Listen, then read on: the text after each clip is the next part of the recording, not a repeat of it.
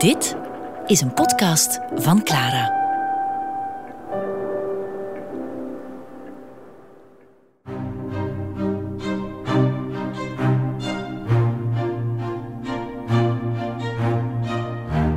Zijdenkers. Met Greet van Tienen. Ja, goedemiddag en welkom. Nu de meeste nieuwsberichten gaan over een pandemie, over oorlog en chronische klimaatproblemen, kunnen we maar beter blijven nadenken en blijven zoeken naar nieuwe manieren om naar de wereld en zijn bewoners te kijken.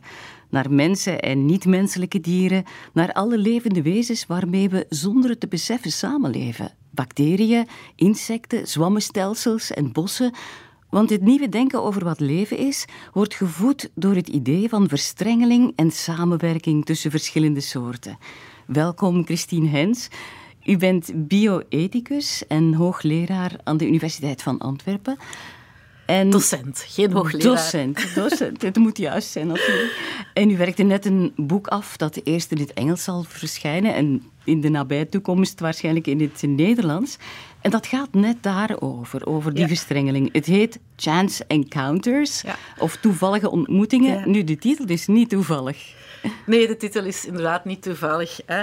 Ehm, ja, ik ben dus bioethicus van beroep. Wat wil dat eigenlijk zeggen? Dat wil zeggen dat ik nadenk over um, ethische vragen die biomedische technologieën opwerpen en die de medische wetenschap opwerpt, et cetera, et cetera. Nu uh, ben ik beginnen nadenken, wat kunnen wij als bioethici inderdaad betekenen in, uh, ja, in de 21ste eeuw als we toch geconfronteerd worden met enerzijds heel systemische problemen en anderzijds ook een heel veel meer systemische manier over denken, over, over leven enzovoort, enzovoort. Dus met dat boek heb ik proberen een aantal denkers samen te brengen die niet traditioneel gebruikt worden in de bioethiek, maar die ik denk onze manier van denken kunnen aanleren waar we verder mee kunnen. Ik zou eigenlijk bioethiek terug meer rond bio willen laten gaan. Tot wat is leven? denk, als, we, als wij als mensen willen leven op deze planeet, hè, als we daar binnen 100 jaar nog willen zijn, dan, moeten we, dan kunnen we ons laten inspireren door het leven. En dan moeten we onze positie in dat leven ook herdenken. Ja, denken over wat leven is en hoe we willen dat het eruit ziet in, in de toekomst.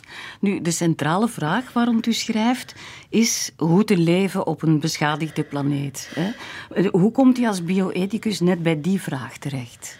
Um, ja, ik heb... Uh, Oorspronkelijk dacht ik na, mijn doctoraat ging bijvoorbeeld over heel traditionele bioethische vragen, zoals wat mhm. kunnen we weten over onze genen, uh, wat mogen we weten, mogen we eventueel, en dan denk ik aan de discussies rond embryo-editing, mogen we de eigenschappen van de toekomstige generaties veranderen, enzovoort, enzovoort. Dat zijn zo vragen waar bioethici zich mee bezighouden. Maar nu zijn we natuurlijk de laatste jaren enerzijds geconfronteerd met... Allez, dat is nog niet, dat is niet de laatste jaren, maar dat is al heel mhm. lang. Geconfronteerd met een veranderende wereld. Een wereld die we zelf uh, waarschijnlijk zo hebben gemaakt dat we er misschien zelf niet, op kunnen, niet meer op zullen kunnen leven.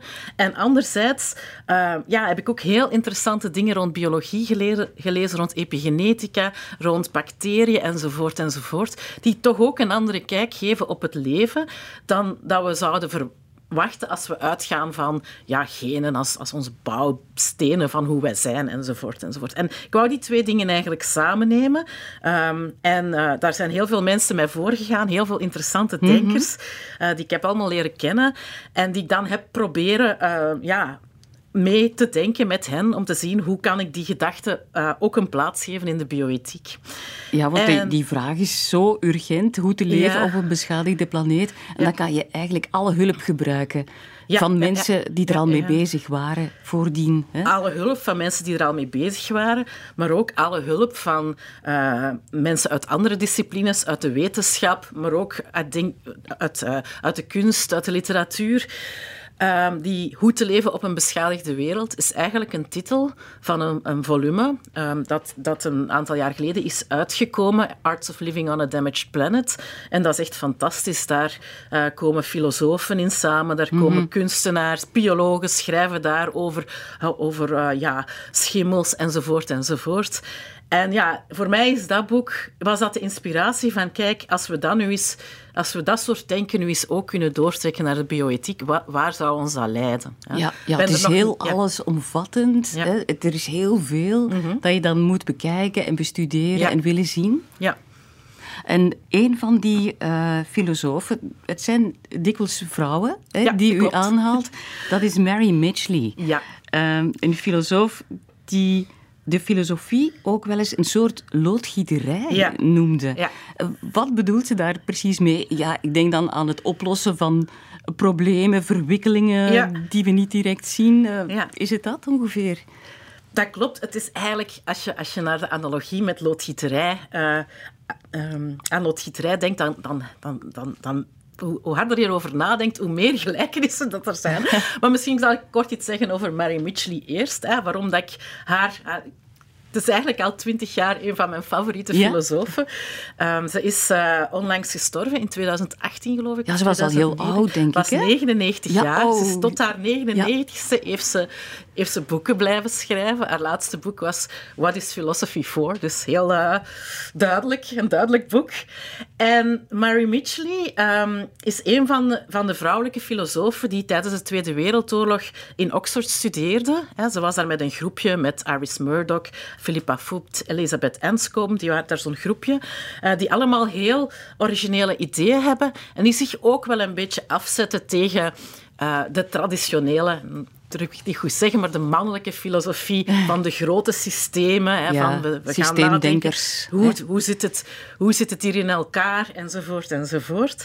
En Mary Mitchley was zelf ook geïnteresseerd heel hard in wetenschappers. Um, had veel vrienden onder wetenschappers. Liet zich daar ook door, door inspireren. Tot, eigenlijk tot, tot op het einde van haar leven. Maar uh, dat bracht haar soms toch ook wel in controversiële situaties. Want ze heeft een heel grote discussie aangegaan um, in de... Ja, 20e eeuw met, met, Richard Dawkins, die het idee heeft van de, de selfish gene, hè, van degene die zich koste wat kost willen voortplanten. Um, zij was het daar helemaal niet mee akkoord. Hè.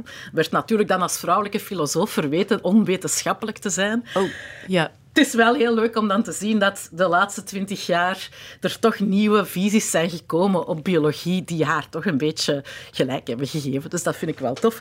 Maar dan... nu over die loodgieterij. Ja. Daar gingen we het over hebben.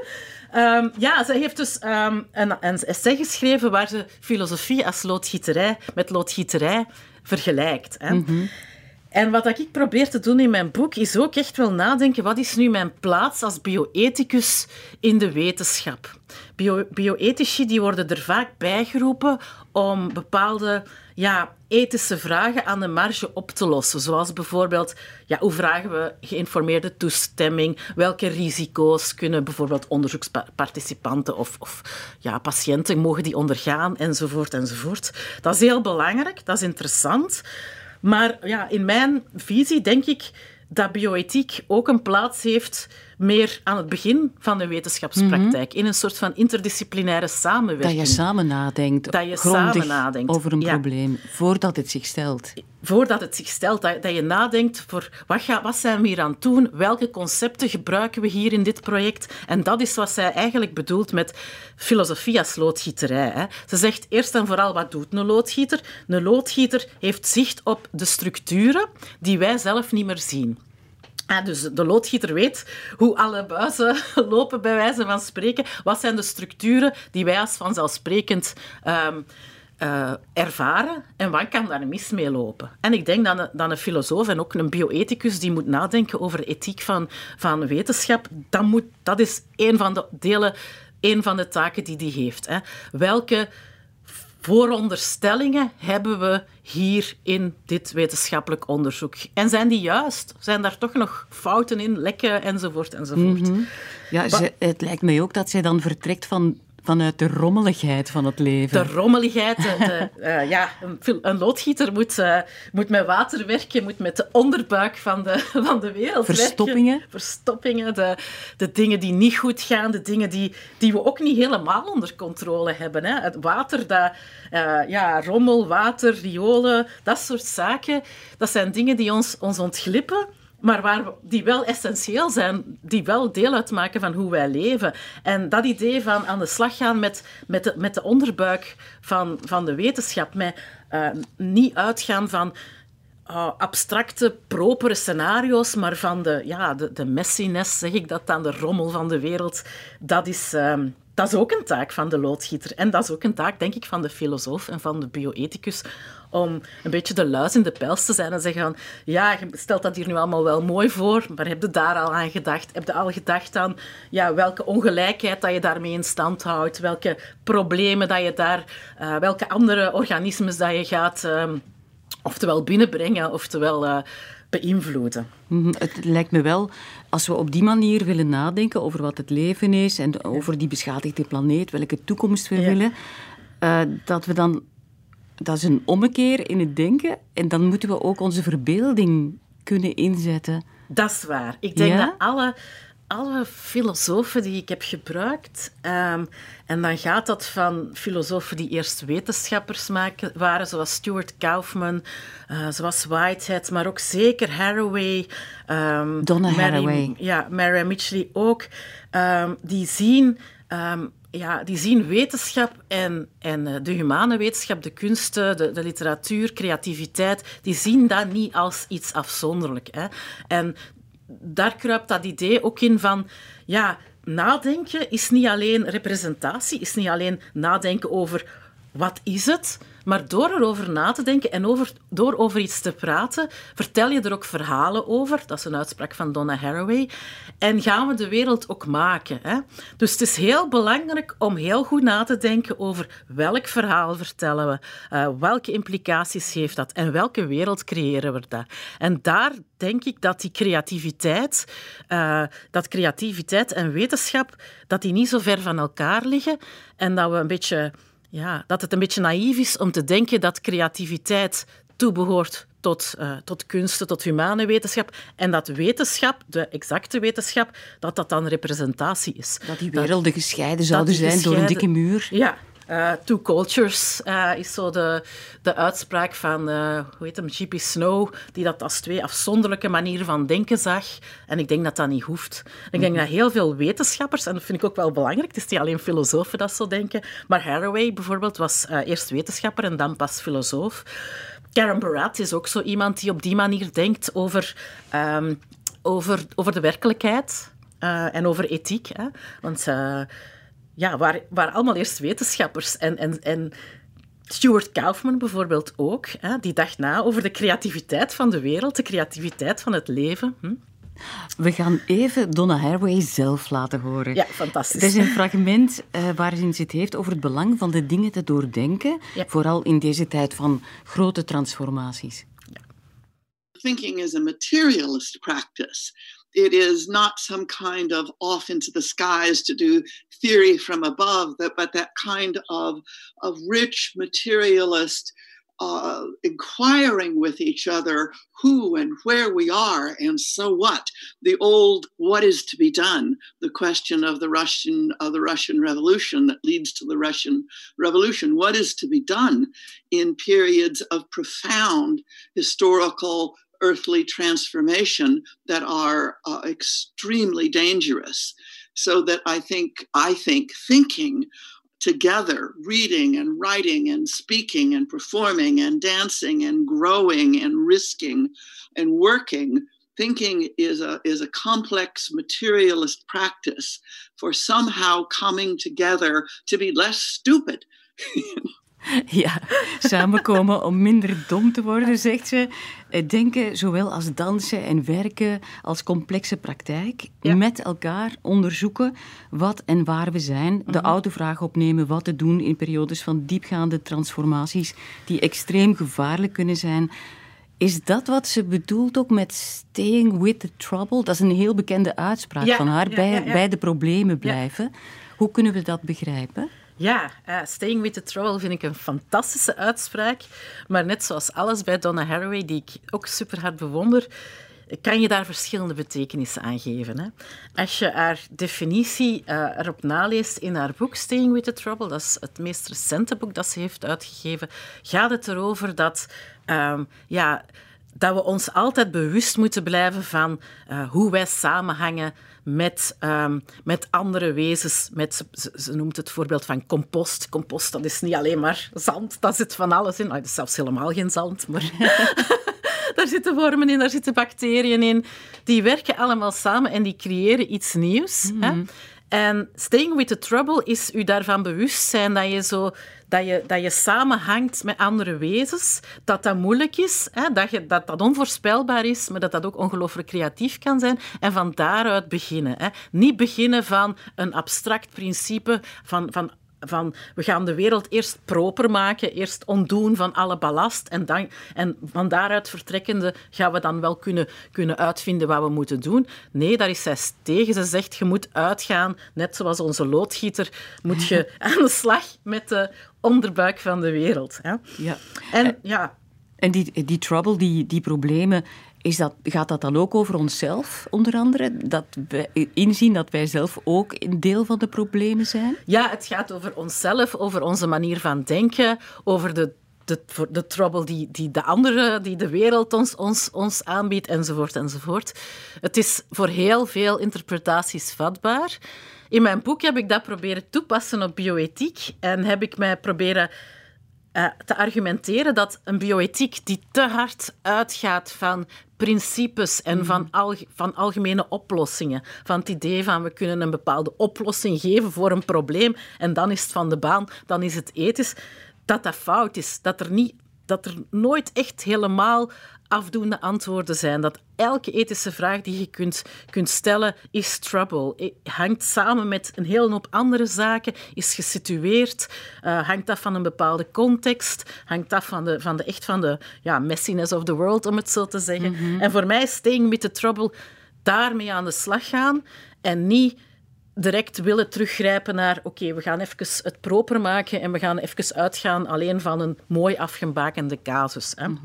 Was nu toevallig gisteren uh, mijn les aan het voorbereiden over uh, proefdieren en ik vind dat een goed voorbeeld. Hè. De discussie gaat altijd over uh, mogen we proefdieren gebruiken, want zijn mensen belangrijker dan dieren bijvoorbeeld. En dat is um, dat is een vraag die je niet opgelost krijgt. Hè? Ja, dat lijkt mij een heel moeilijk het is een dilemma. Heel moeilijk, een heel, het is een heel moeilijk dilemma. Het is een onoplosbaar dilemma. Um, het is iets waar we... Uh, en het feit dat het onoplosbaar is, hè, dat is ook een beetje mijn visie op ethiek, dat wil niet zeggen dat we het dan maar moeten opgeven en dat we dan maar moeten zeggen de wereld is zo, laat het maar gebeuren, de wetenschap moet vooruit, dus alles is goed. Nee, het... het, het, het, het, het, het uh, dwingt ons om er verder over na te denken. Over, om na te denken over waarom hebben we dat nodig? Waarom gebruiken we dieren daarvoor? Onder welke omstandigheden uh, kan dat veroorloofd zijn? En dan tezelfde tijd ook realiseren dat het trouble blijft. Hè. Het blijft problematisch. Mm zelfs al beslis je dat er toch onder bepaalde omstandigheden dieren kunnen gebruikt worden voor doelstellingen waar ze zelf niks aan hebben. Ja. Dus dat is voor mij eigenlijk die trouble in de bioethiek. Hè. Uh, de, de, de moeilijkheid, de complexiteit. Uh, moet ik het zeggen, vol een bak, head-on, uh, confronteren en daar niet proberen abstractie van te nemen. Ja.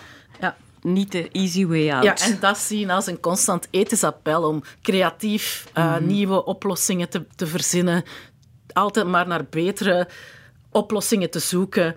Uh, en heel de tijd te beseffen dat, dat je nooit het antwoord gaat kunnen geven. Als ze mij vragen, is dat nu ethisch, uh, embryo-editing? Ja, wat moet ik daarop antwoorden? kan ik alleen maar antwoorden van...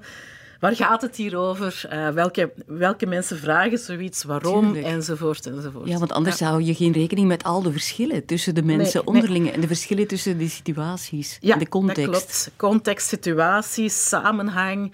Um, alles wat we doen hangt niet alleen, gaat niet alleen over individuele personen, maar hangt ook samen met vragen rond uh, ja, globale rechtvaardigheid bijvoorbeeld. Ik had gisteren nog een gesprek met een doctoraatstudent die rond synthetische biology aan het werken was.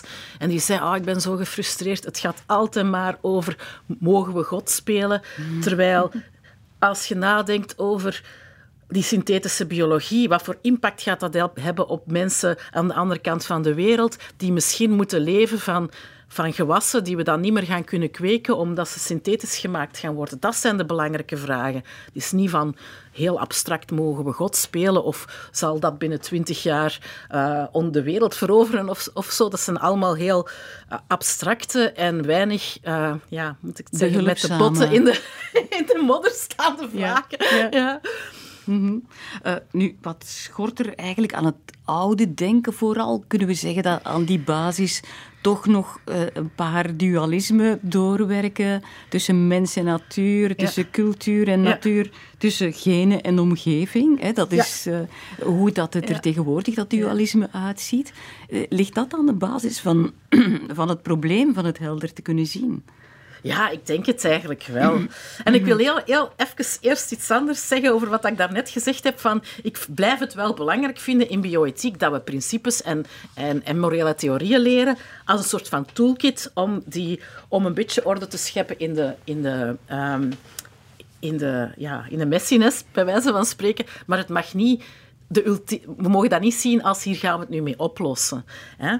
En ik denk dat dat eigenlijk ook wel samenhangt met die vraag over die, dual, over die dualismes. We proberen de wereld mooi uh, in bepaalde structuren te passen. Ja, het moet zo allemaal proper ingedeeld proper, zijn. Um, die categorieën, ja, kastjes. Ja, natuur, uh, cultuur... Um, genen, zit het in uw genen of zit het in uw omgeving? En die genen, op zich is dat het meest propere idee van de biologie. hè? Dat, is, uh, dat zijn uw Lego-blokjes, waar dat, of uw plan voor uw Lego-blokjes, waar je dan op opge, opgebouwd wordt. Maar als je dan kijkt naar wat er de laatste tijd allemaal is uh, gevonden, ook op, op vlak, op vlak van wat gebeurt er in uw cellen enzovoort, enzovoort, epigenetica, maar ook vooral ja, hoe wij eigenlijk voor een groot deel bacteriën zijn, bij wijze van spreken. Voor een groot deel zijn wij DNA van, van een ander wezen. Mm -hmm. Moeten we dan ons, ons eigen niet gaan herdenken vanuit dat opzicht? En um, ja, uh, die nieuwe biologie, uh, Lynn Margulis is zo'n persoon die daar eigenlijk al... Ja, die, die daar in, in, de tweede helft van de 20e eeuw heeft hij heel hard nagedacht over, over het belang van bacteriën, bijvoorbeeld over de connecties die we hebben met bacteriën, die is daar toen... Uh, ja, die, nooit zo, is nooit zo beroemd geworden als bijvoorbeeld Richard Dawkins. Maar nu beginnen we dat te beseffen, dat ze eigenlijk wel gelijk had. En ja, ik denk dat we bij de filosofie heel lang hebben proberen te denken van... Wie zijn mensen? Hè? Hoe scheiden wij ons af? Terwijl misschien is het eigenlijk goed om eens even een stapje terug te nemen en te denken van... Hoe passen wij in het geheel? En hoe worden wij beïnvloed door het geheel? Ja, is nu de genetica, is dat eigenlijk, uh, kan je dat zien als een moderne religie? Ja, omdat we daar te veel wat... betekenis uithalen? Ja, ik denk het eerlijk wel. Hè. En ik wil nu niet, niet zeggen, allez, soms wordt hij dan verweten van ja, maar genen zijn nog wel belangrijk. Natuurlijk, ja. hè. dat is belangrijk, dat is een onderdeel van hoe dat wij functioneren. Dat zou ik nooit, nooit anders willen zeggen. Maar er zijn zoveel dingen belangrijk. Uh, uh, het, het, het, idee van dat, dat, dat, dat, er iets, dat, er, dat wij zo'n intrinsieke uh, iets, ja, het idee van het staat in uw genen geschreven, dat heeft bijna mythische, um, dat heeft bijna mythische proporties. Of dat iets in uw genen zit, of dat iets uh, in de omgeving, door de omgeving is ontstaan, dat heeft voor mensen heel veel belang. Hè, ook op de manier waarop dat ze over zichzelf denken. En ja, ik begrijp dat. Hè. We, we, hebben allemaal nood aan houvast, aan zekerheden. Uh, maar we mogen ook wel af en toe denken van, ja, misschien moeten we die zekerheden toch wel een beetje loslaten. Willen we uh, ja, leven op een beschadigde wereld? Willen we een, een, een, mensbeeld, een wereldbeeld hebben waar we verder mee kunnen? Mm -hmm. Een van die zekerheden is dat de lente begonnen is. Ah, oh, fantastisch. Blossom Dearie zingt het ja. ons toe. They say it's spring.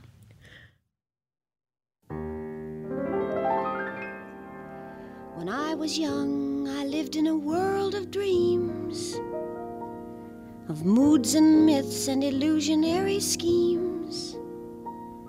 Though now I'm much more grown up, I fear that I must own up to the fact that I'm in doubt of what the modern cynics shout of.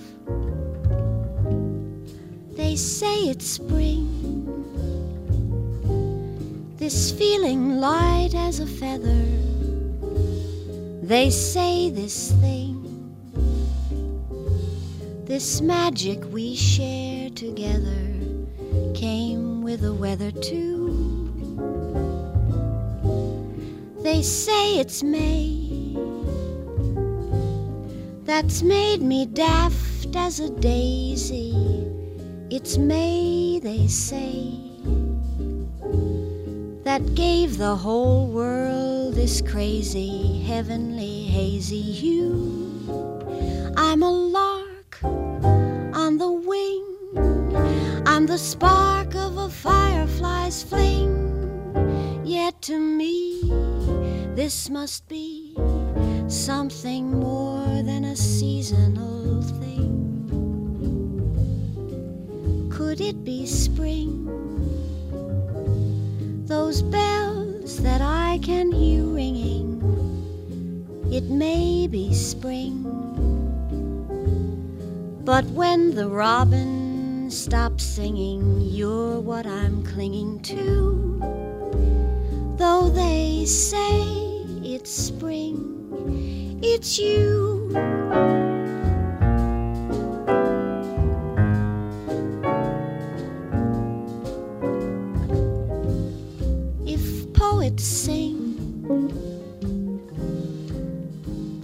A heart's sympathetic, it's merely spring. Then poets' plights are pathetic, though I'm poetic too. They say it's spring. For lovers, there's where the lure is, that evil for which September the curious, this they are sure is true. Though I know that it's so, that my fancy may turn in the spring with the right one in sight. One can find a perpetual thing. Did I need spring? To bring the ring that you bought me, though it was spring. That wondrous day that you caught me, darling, I thought we knew that it wasn't spring, 'twas you.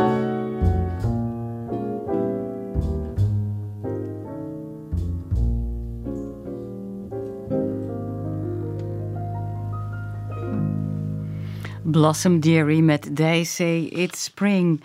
Ja, Christine Hens, uh, met die, dat, denken over verwevenheid, dat de mens niet echt een, individu op zich is, want we zijn afhankelijk van en geven ook aan andere soorten.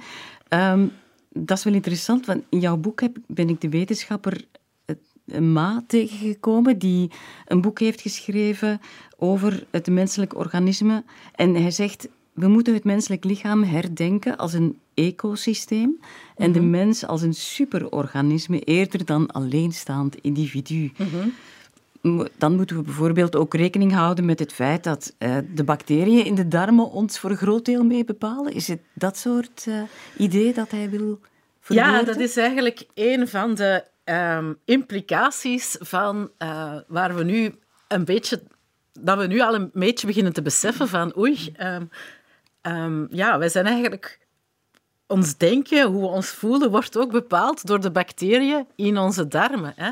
En um, dat zo, in de bioethiek begint daar, beginnen we daar nu wat meer over na te denken, van welke implicaties heeft dat? Want ja, die, die blijkt dus ook dat je die bacteriën dat je die deelt met je gezin. Hè?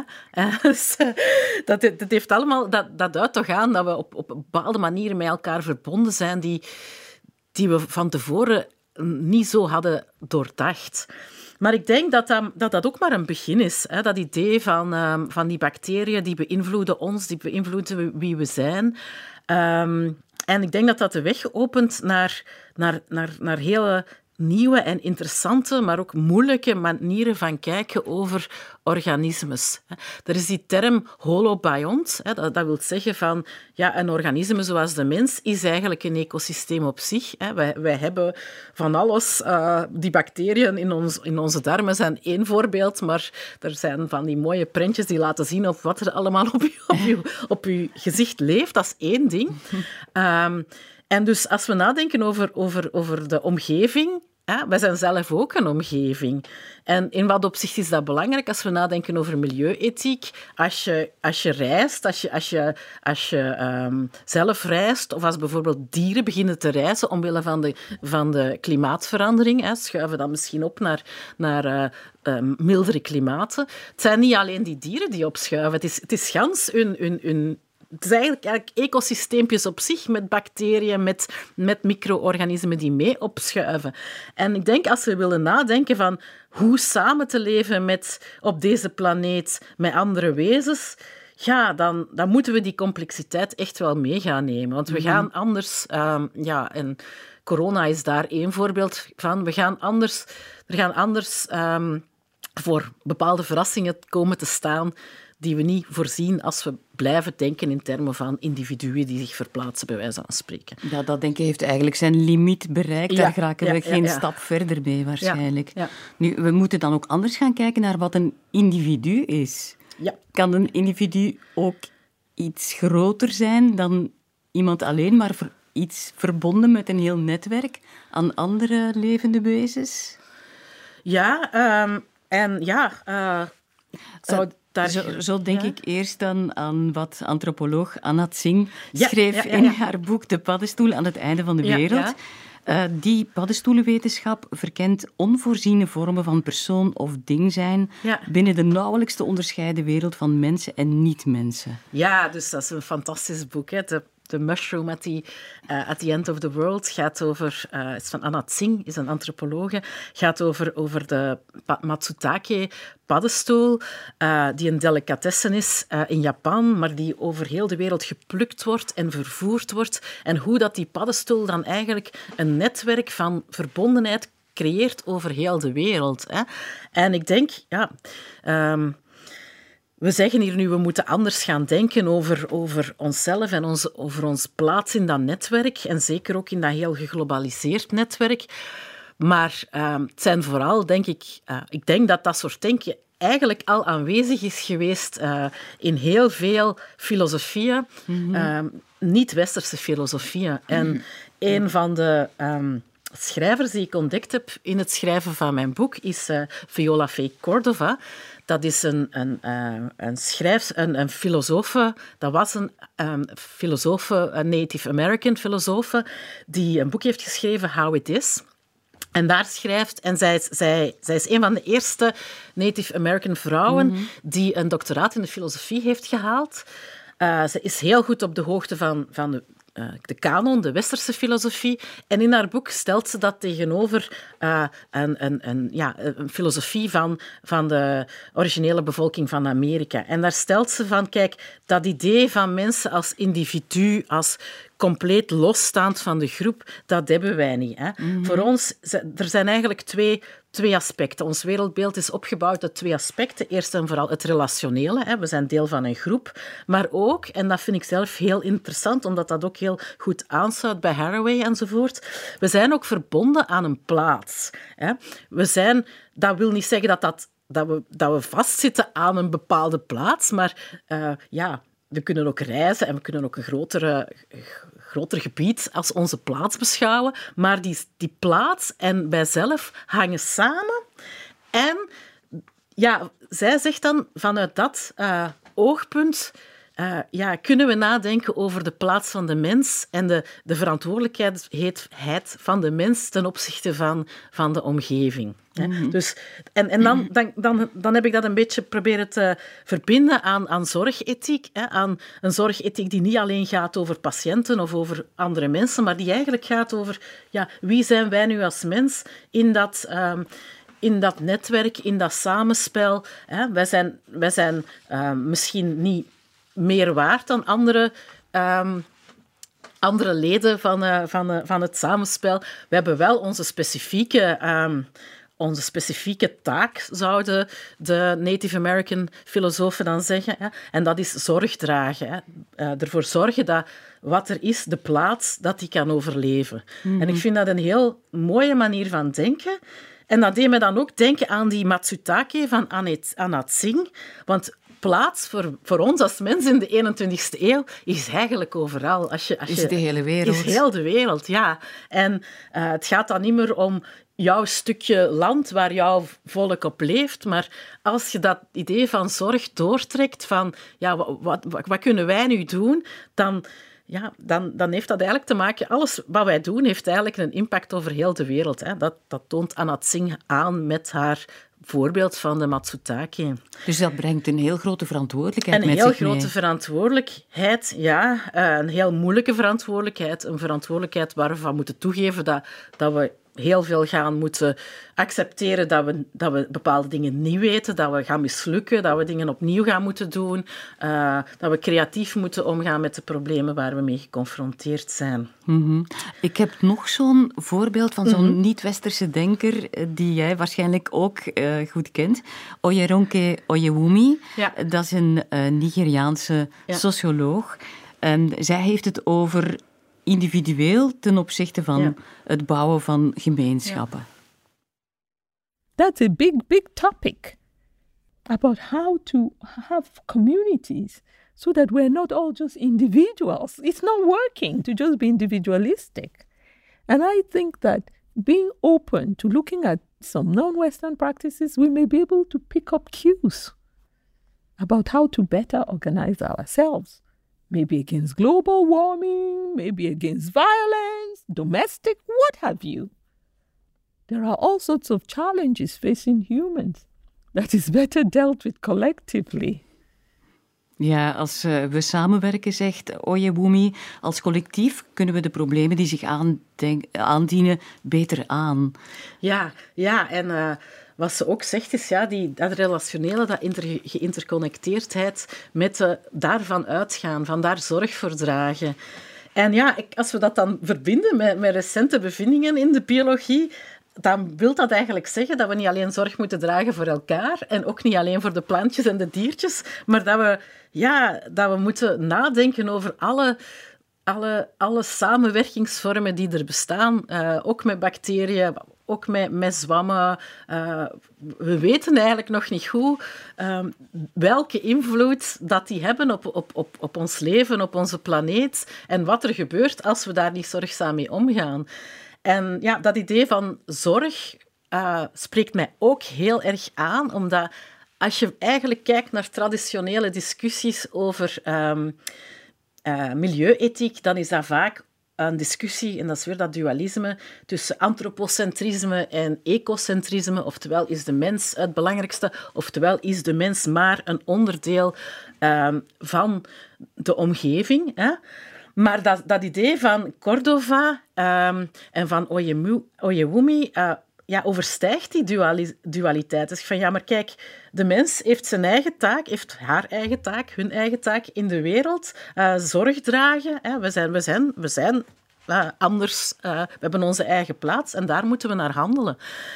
En dat... Wij dragen op een andere manier zorg dan een zwam of een boom. Ja, ja iedereen draagt zorg. Of een hond ja, doet. Ja, ja, ja, ja. Ik denk, Haraway zegt dat, hè, van zorg dragen, uh, ja, dat zijn ook de wormen in de humus, dragen ook zorg voor, voor het ecosysteem. Maar wij doen dat natuurlijk op een andere manier dan een worm. Een worm um, doet het door gewoon te bestaan. Ja, en wij ja, moeten te zijn verplicht om erover na te denken. En dat heeft ons misschien enerzijds in de problemen ja. gewerkt, ge, ge, gebracht, maar anderzijds is dat misschien ook wel de oplossing. Ja. ja, we zijn verplicht om bij de trouble te blijven, ja, zoals uh, Donna Haraway zegt. De trouble die we eigenlijk toch wel zelf hebben gemaakt. Ja, ja beter daar een, een goed inzicht in te hebben. Nu, uh, Donna Haraway die gebruikt ook een, een term, het posthumane perspectief. Um, wat verstaat ze daar precies onder? Het is geen transhumaan perspectief, nee, want ja. De transhumanen zijn uh, mensen die geloven in de verbetering van de mens en het constant uh, verbeteren van het brein, uh, van het lichaam, het, ja. het, brein uploaden op een computer en zo verder leven, als je dat leven kan noemen.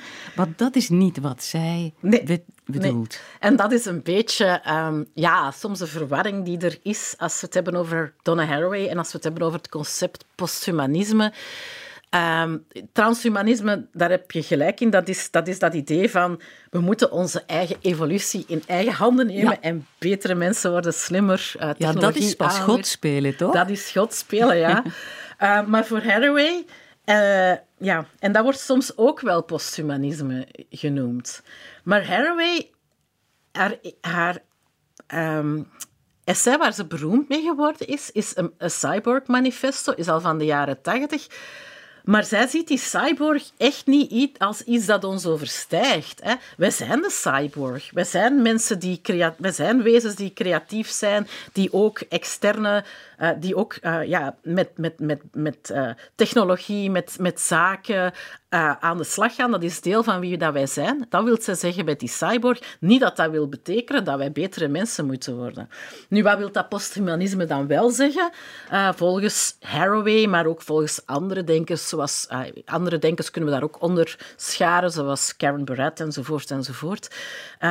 dat wil eigenlijk de mens een beetje van zijn of haar of hun pedestal halen. Hè? We moeten van onze troon komen. Posthumanisme wil zeggen van...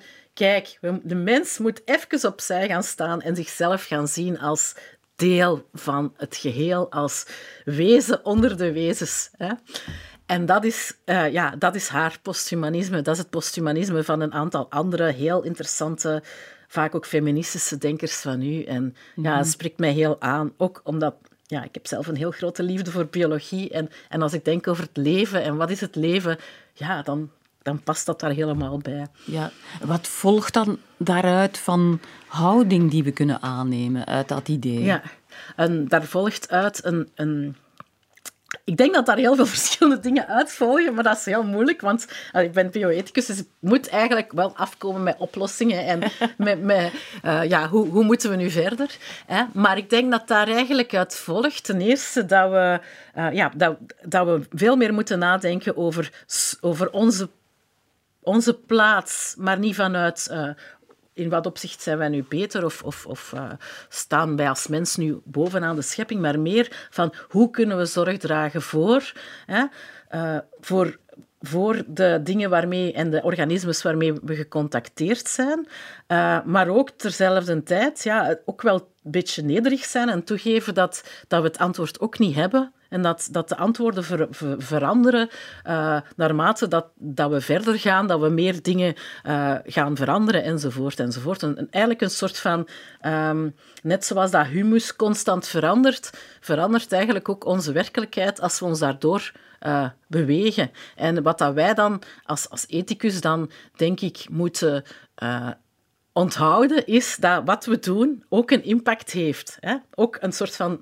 nieuwe wereld maakt. En dat is ook een beetje Haraway's idee van we moeten de juiste verhalen vertellen. We moeten verhalen vertellen waar we mee verder kunnen op een beschadigde wereld. Waar we mee kunnen ervoor zorgen dat ze niet nog harder beschadigd wordt dan ze mhm. al is.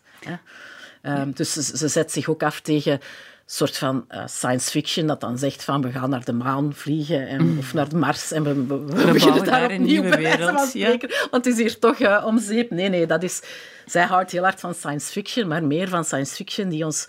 Spec speculatieve fictie die, die ons helpt nadenken van hoe kunnen we hier verder met, met onze wereld, uh, met de trouble waar we ons hebben ja. in begeven. Geen utopieën? Geen utopieën. Maar mogelijke realiteiten. Mogelijke realiteiten die we zelf kunnen maken door het juiste verhaal te, te, te, te, vertellen over, over onszelf, over onze plaats, over waar we naartoe willen, wat voor soort wereld we willen. Ja, Dus zowel de wetenschap als de filosofie, als alle mensen creëren, creëren werelden door een verhaal te vertellen. Dat, ja, dat is, uh... dat is het. En uh, ik denk als we dan terug helemaal willen teruggaan naar dat interdisciplinaire werken en naar de taak van ethici, ik denk dat we als ethici ethici dat kunnen doen, samen met wetenschappers, helemaal aan het begin van projecten nadenken van welke wereld willen we hiermee creëren. Hè? Als je dan nadenkt over artificial intelligence of, of, of synthetische biologie. Welke wereld willen we hiermee creëren en wat willen we vermijden dat er met de wereld gebeurt? Mhm. En als we als ethici, maar ook als uh, uh, kunstwetenschappers of literatuurwetenschappers en als exacte wetenschappers samen zo kunnen denken over uh, de wetenschap die er moet komen, ja, ik denk dat we dan helemaal werken in de geest van Donna Haraway. En is dat evident, dat interdisciplinaire, dat samenwerken met andere vakken? Uh, is dat evident? Nee. Um, en um, uh, ja, ik moet zelf toegeven dat ik daar wel heel goede ervaringen mee heb. Uh, zeker de laatste jaren is daar veel meer openheid toe. En ik vind het ook heel, echt altijd heel plezant om met wetenschappers samen te werken en over dat soort dingen na te denken. Uh, maar het is nog altijd niet zo heel evident. Zeker niet als we nadenken over hoe wetenschap eigenlijk gefund wordt. Hè. Het grootste deel gaat naar uh, de wetenschap zelf. En dan kan je als ethicus daar dan even bij komen om een beetje na te denken dat het, uh, dat het correct opgesteld wordt, zodat het ethisch comité het goedkeurt, bij wijze van spreken.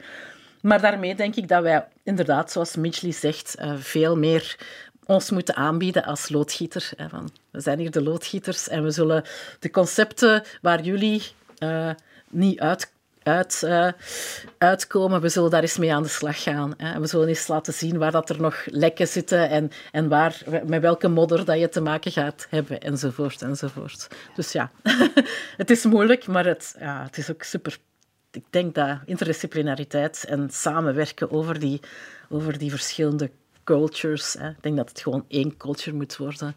Uh, die terzelfde tijd heel wetenschappelijk is, want ik hou, ik echt van de wetenschap, dus het is niet dat ik, dat ik dat in vraag wil stellen of zo, maar anderzijds ook dat uh, die component heeft van uh, nadenken, uh, het juiste verhaal vertellen, een leefbare toekomst creëren. Dankjewel, Christine Hens, om voor ons aan loodgieterij te doen. Um, u kan deze uitzending en de andere zijdenkers herbeluisteren via clara.be, de Clara-app of als podcast. Morgen vertelt de Nederlands-Congolese filosoof Grace Njako over wat we kunnen leren van de Afrikaanse denkers en hoe ze haar hielpen een plek te vinden in het grote huis van de filosofie. Heel graag tot dan en nog veel luisterplezier bij Clara. Ontdek ook onze andere podcasts via clara.be. Clara Podcast. Blijf verwonderd.